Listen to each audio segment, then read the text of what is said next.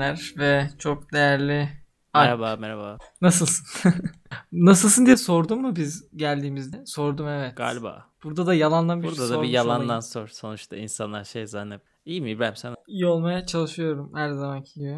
Seni de bir iyi İyiyim ya, yapamadık iyi- ha. iyi diyelim, Hep bir iyi olsun. olmaya çalışıyorsun olamadın. Olacağım, olacağım. Umarım. İnşallah. Evet, hemen konuya girelim. Bugün dünyanın kanayan yarası hakkında konuş. Kötü yönetim sistemlerinin en iyisi. Evet, tahminleri alalım. Ya bir şey diyeyim? Biz kesin dayak yiyeceğiz bu bölüm yüzünden ama demokrasi. Ya Bırak.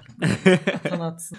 evet. Evet, doğru cevap. Elimin altında da şu an Sokrates'in savunması var. Bu bölümü çünkü onun anısına kaydediyoruz. Çünkü demokrasi Sokrates'i katleden rejimdir. Aslında temel konu şu. Biz demokrasinin iki ucundan bahsedeceğiz. Birazcık da kendi deneyimlerimizden bahsedeceğiz. Bunun e, daha çok en ideal ucu üzerine konuşacağımızı düşündüğümüz için hemen şeyle başlayalım. En dandik ucuyla, en tehlikeli ucuyla.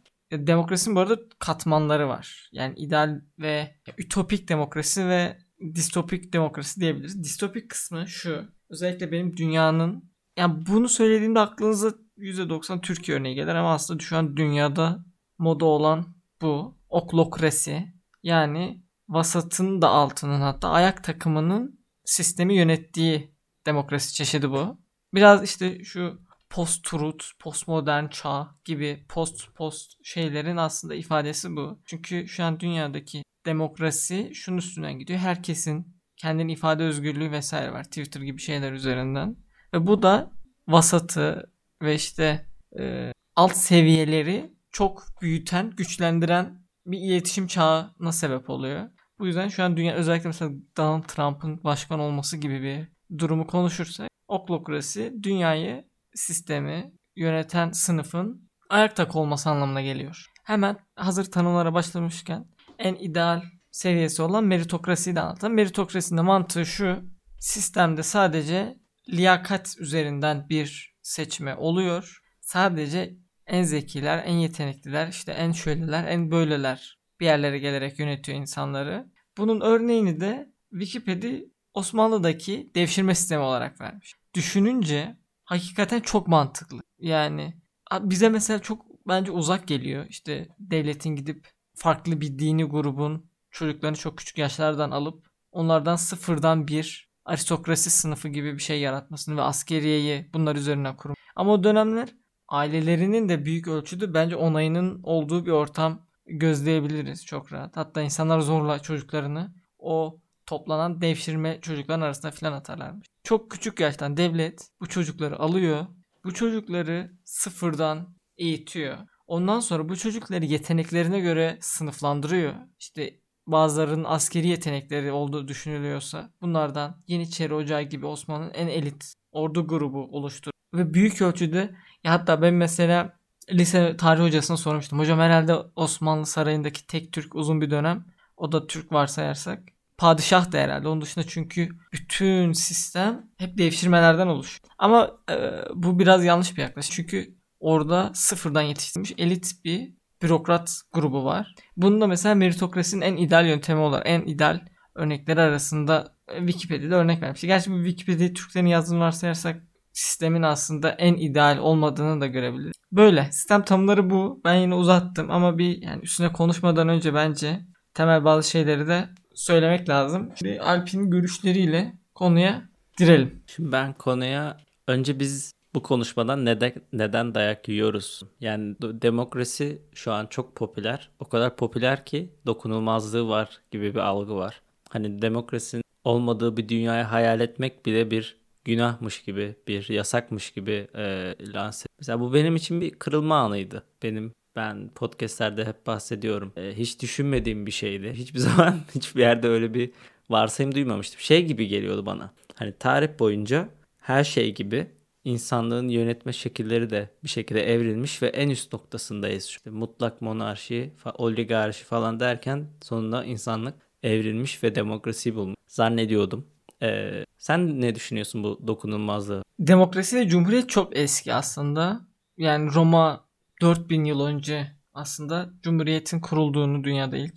Ki daha öncesinde de illaki vardır ama Roma ile çok büyük bir organizasyon aslında cumhuriyetle yönetilmeye başlıyor. O açıdan Roma'yı çok ilk olarak varsayabiliriz. Ya bu kutsiyetinin bence şöyle bir kaynağı var. İlk Fransız devrimi. Çünkü çok büyük bir kırılma bence. Hı hı.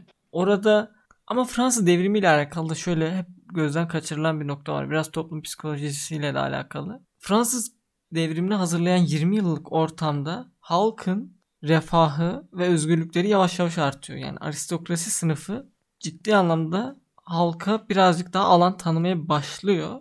Ve böyle bir ortamda Fransız devriminin fikri ve işte stratejik zeminleri doğmaya başlıyor. Ya toplum ona birazcık aslında onlara hak tanınan bir ortamda daha fazlasını isteyerek işin ileri boyuta taşınmasına sebep oluyorlar. Ki Fransız devriminden sonra da hemen bu refahın artması dibe vuruyor. Sistem artık daha karmaşık bir hale aldığı için. Tabi ondan sonra işte özellikle Amerika'nın büyümesi, Avrupa'da Birinci Dünya Savaşı'yla monarşilerin yıkılması, ulus devletlerin kurulması falan filan hep eskiden ulusların, şimdi de ülkeler içindeki siyasal sınıfların bir hak arayışı var. Ve bu hak arayışını önce kendilerini ifade özgür etme özgürlüğüne sahip olarak arayabilirler. E bunun yolunu açan şey de demokrasi. Yani demokrasi aslında bu kadar kutsiyet atfedilmesinin sebebi dünyada hep böyle bir ezilen sınıf var bir şekilde ve onların hak arayışını savunabilmek için çok önemli bir enstrüman, çok önemli bir ortam sağlıyor. Ama şu an dünyada işte ya ben mutlaka insanların haklarını savunabilecekleri bir ortamın gerekliliğini savunurum zaten. Ama dünyada işte vasatın bu kadar söz sahibi olduğu bir ortam ki insanlar geliştiren bir ortam yerine daha çok körelten de bir ortam oluyor. Çünkü bu ne kadar büyük bir ifade özgürlüğü olsa da şu an mesela sadece Türkiye'de değil dünyada da devletlerin kısıtlamadığı fikri özgürlüğü demokrasinin getirdiği şartlarda insanlar kısıtlıyor. Devamlı işte onu bunu linçleyerek. Yani biz demokrasiden bile en bahsedemiyoruz. Ufak böyle aynen. Hı hı. Yani burada sistemin demokratik olması bile daha antidemokratik bir iletişim ortamına sebep oluyor. Bunun sebebi de elbette toplumun aslında buna çok da hazır olmayış. Yani işte Türk tipi demokrasi falan da belki buna denebilir. Mesela İngiltere'de monarşi olmasına rağmen demokrasisinin hep çok güçlü olduğu vesaire söyleniyor. Ki bir yerde çok da yanlış değil yani. Orada İngiltere'nin kendi gücü ve halkına tanıdığı refahla aslında orada daha güvenli bir şey ortamı var. Yani hem devletin hem toplumun hazır olduğu ve koruyabileceği bir kişilerin kendi ifade özgürlüğünü sağlayan bir demokrasi ortamı var. Ama işte bizim gibi Amerika gibi Amerika'da bu gittikçe köreliyor bence. Böyle çok radikalleşmeye sebep oluyor aslında burada demokrasiler. Ve bu yani radikal gruplar her zaman çok düşünmeyen insan topluluklarıdır. Çünkü zaten o kadar radikalleşmek, o kadar keskin görüşlere sahip olmak için çok gerçekten cahil olması vesaire gerek. Yani çevremizde de aslında en sık gördüğümüz insan tipi bu olabilir. Çok böyle radikal görüşler var. Her şey belli onların referanslarına göre çok doğru veya çok yanlış. E bu da yani bu insanların çok fazla olunca bunların hepsinin oy ve tercih hakkı olunca hem bunları yönetmek çok kolay oluyor ki çok güç isteyen siyasi gruplar için e, tam aranan şey. Ve hem de onlar için çok daha böyle kendilerini seçi, seçebilecekleri radikal söylemlerle kolay bir şekilde yönetimde bulunabilecek bilmelerini sağlıyor. Yani Donald Trump çok ofansif bir başkandı. Meksika sınırını duvar yapmak gibi fantastik bir hareketi oldu. Ve bunun sonunda daha başkanlığını bitirmeden orada kongre binasını bastıracak kadar da ileri gitti. Benim anlatmaya çalıştığım bu radikalleşme çok böyle popülist söylemler, Donald Trump gibi popülist başkanlar hep aslında bunun doğurduğu. Ama burada asıl önemli şey Donald Trump'ın karşısındaki Biden'ın da bu sistemin içinde aslında çok da farklı bir konumda olmayış. Yani o da aslında daha belki farklı bölgelerin, farklı bir entelektüel sınıfın radikalleşmiş grubunun seçtiği bir insan. Yani sistem bu yani şu an e, oklokrasi açısından konuşacağımız durum. Ben burada şey eklemek istiyorum. E, bunu felsefe hocam söyledi. O günden beri e, sevmem. şey demişti yani. Üç çocuklu bir ailede akşam yemeklerini demokrasiyle seçerseniz her akşam çikolata yemek. Yani insanlar bu bahsettiğim şekilde ilerleyince ihtiyaçlarını değil isteklerini düşünüyorlar. Yani hani ben her isterim ki herkes çok sonrası düşünerek hareket et. Çok daha e, ileri görüşte olsun. Bir adım sonrası, bir gün sonrasını bile düşünenler çok. Sırf istekleri uğur. Yani dediğin gibi mesela şey de çok ben de Trump'ı hiç sevmiyordum. Biden gelince biraz rahatladım ama Biden da gerçekten şey yani çok taraflar. Ya Biden'ı seviyorsun ya Trump'ı. İkisini de seven, ikisini de şu yönünü seviyorum diyen yok gibi yani. Hani öyle bir kutuplaşma yerine dönüşmüş ki bir de öyle bir yönü var. Hani sonuç olarak iş senin ne kadar iyi olduğunu, ne kadar doğruyu söylediğin olmadığı için insanları ne kadar manipüle ediyorsan, ne kadar kendini tarafına çekiyorsan o kadar o yol. E, do- dolayısıyla kendine çektikçe ya da daha doğrusu kendine çekmenin bir yolu da karşı taraftan uzaklaştırmak ve bu yüzden çok uzaklaş ya ben bilmiyorum yani Türkiye içinde Amerika içinde durumun çok iyi olduğunu düşünmüyorum en azından. Bir de şöyle bir durum var. Şimdi liyakatten bahsedelim. Burada işte akademisyenlerin, eğitimli insanların işte yönetmesini vesaire. Türkiye'de bir de şöyle bir durum var. Twitter'da herkesin ifade özgürlüğü var diyor. Twitter'da aynı şekilde eğitimli insanların da ifade özgürlüğü var. Ve kendileri gayet iyi bir şekilde birçoğu ifade ediyor. Oradan bilgilerini vesaire de paylaşıyor. Ama bir noktadan sonra ya ne kadar iyi akademisyen olsalar da ki burada ben buna hep bir tane aklınıza ilk gelen Twitter'da devamlı yazan ekonomisti örnek veririm. Ne kadar iyi veya başarılı bir akademisyen olsanız da bir süre sonra sizin o akademik kariyeriniz ve ifadeleriniz Twitter'daki işte 140 veya 280 karaktere sığdığı zaman bir yerden sonra sizde radikal söylemlerde bulunan aslında çok da mevcut siyasi zeminden farklı olmayan söylemlere giriyor. Ya ben hep şunu söylüyorum. Twitter'da Türkiye ekonomisinin durumuyla alakalı yapılan yorumların çok da bir önemi yok. Çünkü orada o insan ne kadar gerçek o gerçeği böyle bir parmak hareketiyle kaydırıyor. Yani gerçeğin dirilebildiği bir iletişim ortamı. Ben o yüzden mesela illaki birçok şey Twitter'dan etki yaratıyordur. Ama Twitter'dan yaratılan etki ne kadar gerçekten ve haklardan yana olsa da ben çok sürdürülebilir olmadığını, faydalı olmadığını, başarıya ulaşma ihtimalinin çok düşük olduğunu. İnsanlar da şey diyor. Ya en azından orada bir şeyler yapıyoruz, ifade ediyoruz. Buna da herhalde günah çıkarma bir yerde diyebiliriz. Bu bence birazcık yani insanların Twitter'da yazdıklarını laf etmek tepki çekebilecek onu yani.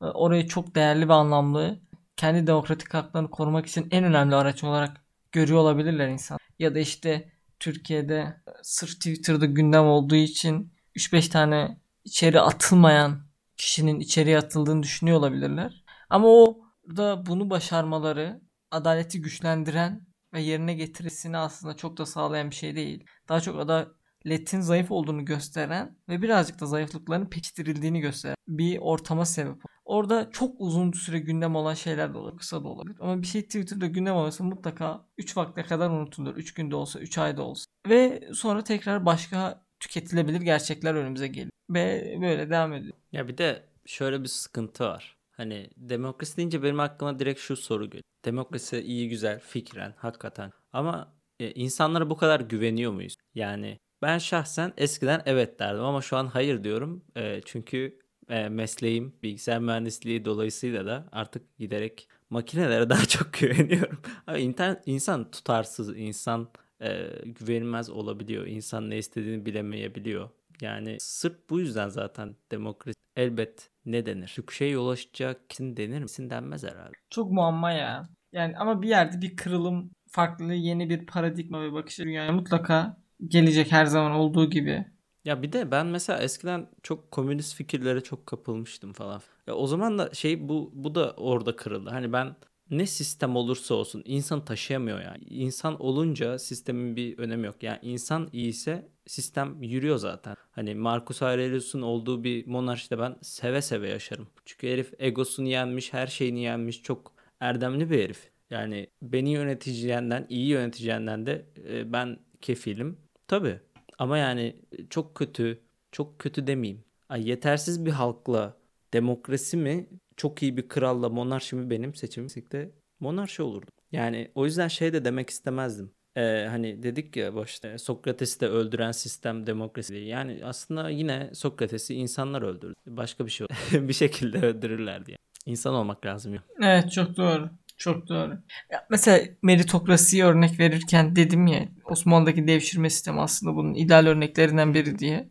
Aslında en ideal örneği dönemin belli bir kısmında da olan padişahın da aslında o grubun içinde yetiştiriliyor olduğunu. Yine aynı elit eğitimden geçiyor. Orada küçük yaştan iyi bir eğitim. Çok şey yani bunlar doğuştan getirilen ya illaki doğuştan yetenekli olma durumu da var. Ama mesela Fatih Sultan Mehmet favori padişah tercih değildi. Yani abisi favoriydi. Onun daha işte zeki veya yetenekli olduğu düşün. Ama işte abisinin vefatıyla iş Fatih'e kalınca Fatih İstanbul'un Fatihi oldu. Aynı sistemde yani herhangi bir çocuk da eğitilirse iyi bir eğitimden geçirilir. O ortalama eğitim sınıfı içinde çok başarılı bir yönetim sistemi her türlü doğuyor. E bizde iyi eğitim yok diye düşününce de kendi yarında yağında kavrulması gerekiyor gençlerinin. Ve artık bunu defalarca devamlı anlatıyoruz ama daha fazla bunun ne anlama geldiğini ifade etmeye gerek yok bence.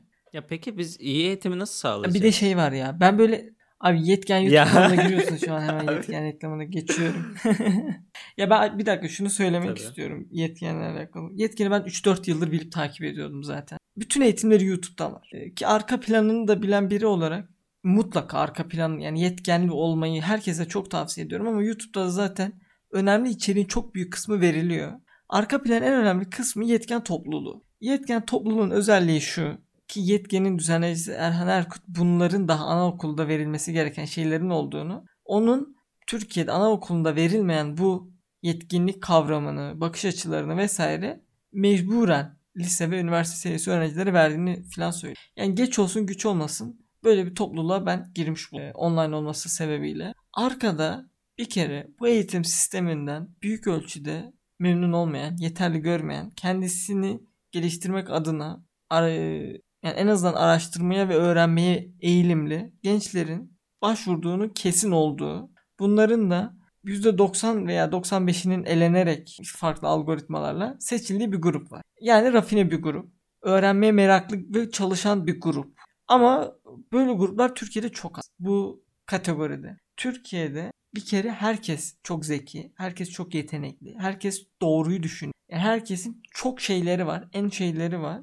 ve bunlarla birazcık bence insanların çoğu kendini bir yerde uyuşturuyor ve kendini geliştirmeye, yeni şeyler öğrenmeye gerek duymuyor. Ben açık ve net söyleyeyim. Bunlar açın sağdan soldan bakın.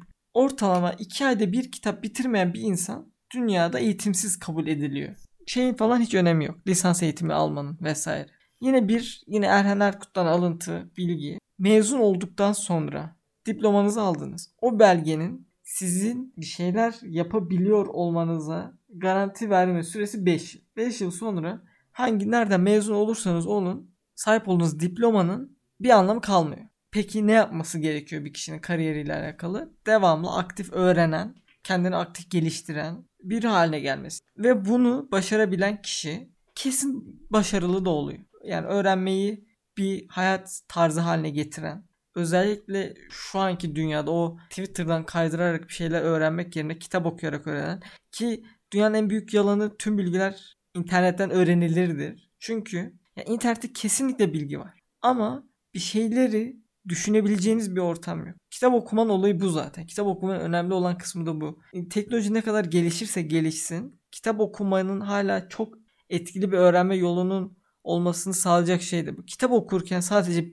bir şeyler öğrenmiyorsun. Kitap okuma bir düşünce deneyimi. Eğer etki yani olması gerektiği gibi bir kitap okuyorsanız o kitabın sizi düşündüren bazı kavramları size getirdiğini, siz onları düşündükçe aslında kitaptan rafine ve üstüne sizin de bir şeyler koyarak yeni bir bağlam, yeni bir öğrenme alanı oluşturmanızı sağlayan bir sistem aslında kitap okumak. Bu yüzden kitap okumak çok aşırı değerli. Bu yüzden iki ayda bir kitap bitirmiyorsanız eğitimsiz olarak dünya sisteminde kabul ediliyorsunuz. Çünkü yani iki ayda bir kitap bitirmeyen bir insan e, yeni şeyleri öğreniyorsa da internetten öğreniyordur. Öğreniyorsa da kaydırarak öğreniyordur. O bağlamlar üzerinde kesinlikle çok duramıyordur. Çünkü Twitter'dan bir şeyler öğreniyorsanız e, günde bir saat kaydırıyorsunuzdur. Ortalama bir dakikada bir insan kaç tweet görebilir? 100 tweet görsün. 100 bilgi hakkında o kaydırma esnasında seni düşünme ve yeni bir bağlam oluşturma ihtimalin büyük ölçüde yok.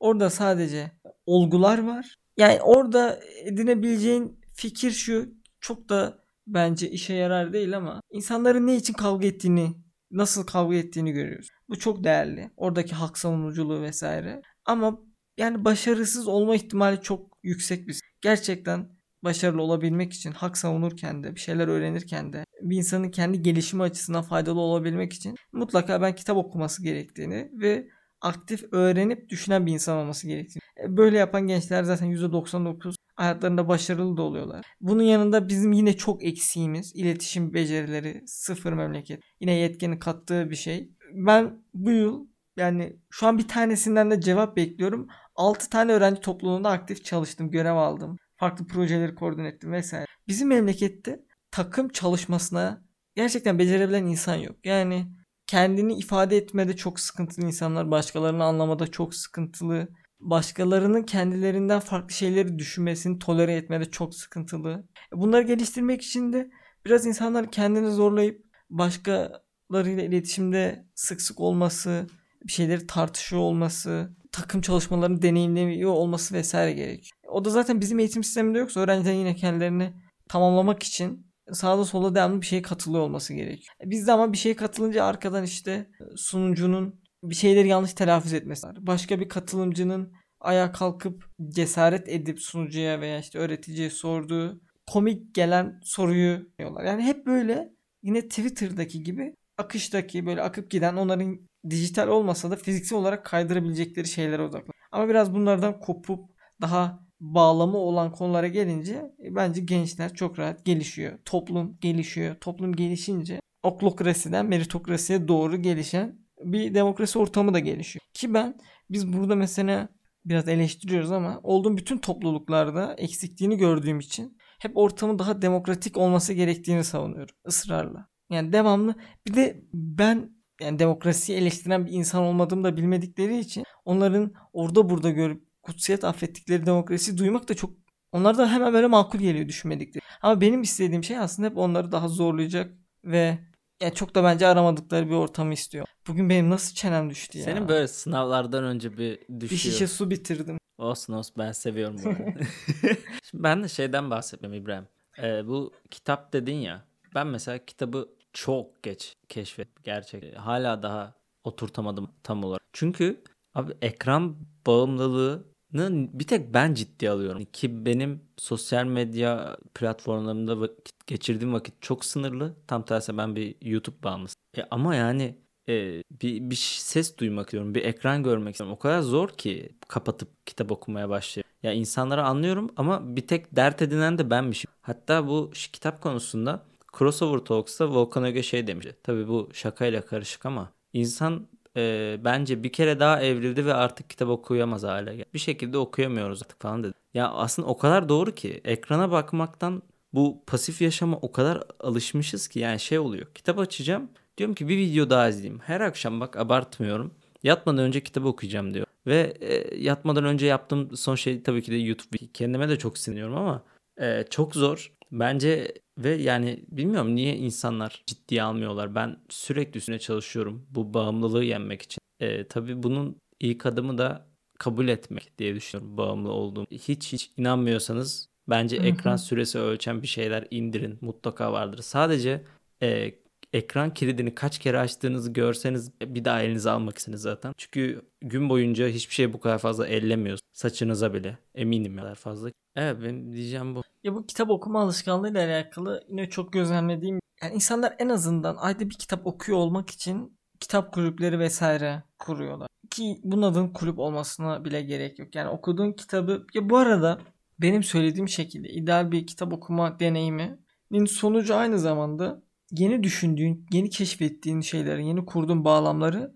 böyle başkalarıyla paylaşma isteği çok dolu insanlarda. Yani bizim burada podcast'te yaptığımız işte bu aslında. Yani sağda solda okuduğumuz, öğrendiğimiz, düşündüğümüz şeyleri satacak bir alana ihtiyacımız var. Ve bunu biz podcast yaparak değere dönüştürüyoruz. O yüzden bir de şu şey muhabbeti vardır ya çevrendeki 5 insanın ortalamasısındır gibisinden. Yani aslında kitap okuma alışkanlığı için de bence bu biraz lazım. Yani çevrenizdeki 2-3 arkadaşınızla her ay bir kitaba karar verip okumak bence ne çok zor bir şey. E, aynı zamanda yani arkadaşınızla böyle bir diziyi, filmi veya işte en önemlisi ülkenin gündemini konuşmaktan daha işe yarar bir şey. Her ay bir kitap belirleyip okuyup onun üstüne düşün. Ben genelde katılıyorum kitap kulüplerine ama şöyle bir durum var. Kitap kulüplerinde böyle yeni yeni kitap alışkanlığına başlayan insanların çok olması ve kalabalık da olması sebebiyle herkesin okuyabileceği genelde kişisel gelişime yönelik kitaplar seçiyorlar.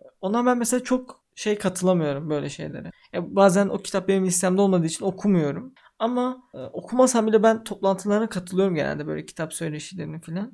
Ve insanların aslında hakikaten aynı kitaptan çok farklı anlamlar çıkarabileceğini keşfetmenin iyi bir yolu. Far- herkesin okuduğu şeye farklı bir yerden bakışını görünce o kitabı gerçekten daha iyi anlıyorsun, daha iyi kavruyorsun. Bu da her türlü bir kitabı okumanın, okuduğun anlamanın, verimini arttırmanın iyi yollarından biri. Bilmiyorum belki biz de aslında 3-5 tane dinleyen belki böyle bir işe kalkışabiliriz hmm. gibi geliyor. Birazcık daha iletişim olsun. E ama İbrahim bugün çok Öyle. konuştun. Artık bir öneri yap da bitirelim ya. Ya elimin altında bunları önereyim gençler. Platon'un, Sokrates'in savunması ve devlet. Yani devamlı zaten orada burada politik şeyler okuyorsun. Ki maalesef hepinizin politik görüşleri de var. Platon, devlet ve Sokrates'in savunması kitapları aslında çok basit bence. Ve Platon'un biraz böyle şeyleri idealleştirme eğilimi de var. Eski filozoflara nazaran onun dönemiyle başlayan böyle daha bir ideal dünya, daha ideal bir çevre vesaire falan filan. En azından bir şeyin ideali nasıl olabileceğiyle ilgili fikir edinmek. Başkasının ideal deneyimine bakarak, ideal düşüncesine bakarak kendi ideal düşüncesini keşfetmek. Bence bu iki kitap okunabilir. Bu iki kitap önereyim. Bu arada alıyorsanız saçma sapan yayınlardan almayın. Ucuz diye. Zaten gerçi İş Bankası da çok ucuza veriyor. 10 lira falan kitaplar. İş Bankası'ndan alın. Daha düzgün bir çeviriden okuyun. Bölümü de Sokrates'in son sözüyle bitirelim Olur. mi? Ee, şeyi söylüyor. Artık öğrencisi mi yardımcısı mı ne? Ee, sağlık tanrısı Asklepios'a bir horoz adağı var. Şey için. Hastalık olarak gördüğü bir durum var. Yani hastalık demeyeyim de. Yani arafta kalmamak için adanan bir adak mı? Asklepios'a horoz keserlermiş. İşte yardımcısına ve öğrencisine ne diyor? Şeye bir adak bir horoz borcum var Asklepios'a. Onu lütfen ödeyin diyor ve zehirlenerek öldürülüyor. Zehirleniyordu değil mi? Yanlış hatırlamıyorum. Evet evet ben de öyle. Aynen. Zaten kapağa da Sokrates'in resmini falan koyarız herhalde. Hmm, bunu bir düşünelim. O zaman haydi iyi günler. O zaman görüşürüz. Kendinize iyi bakın.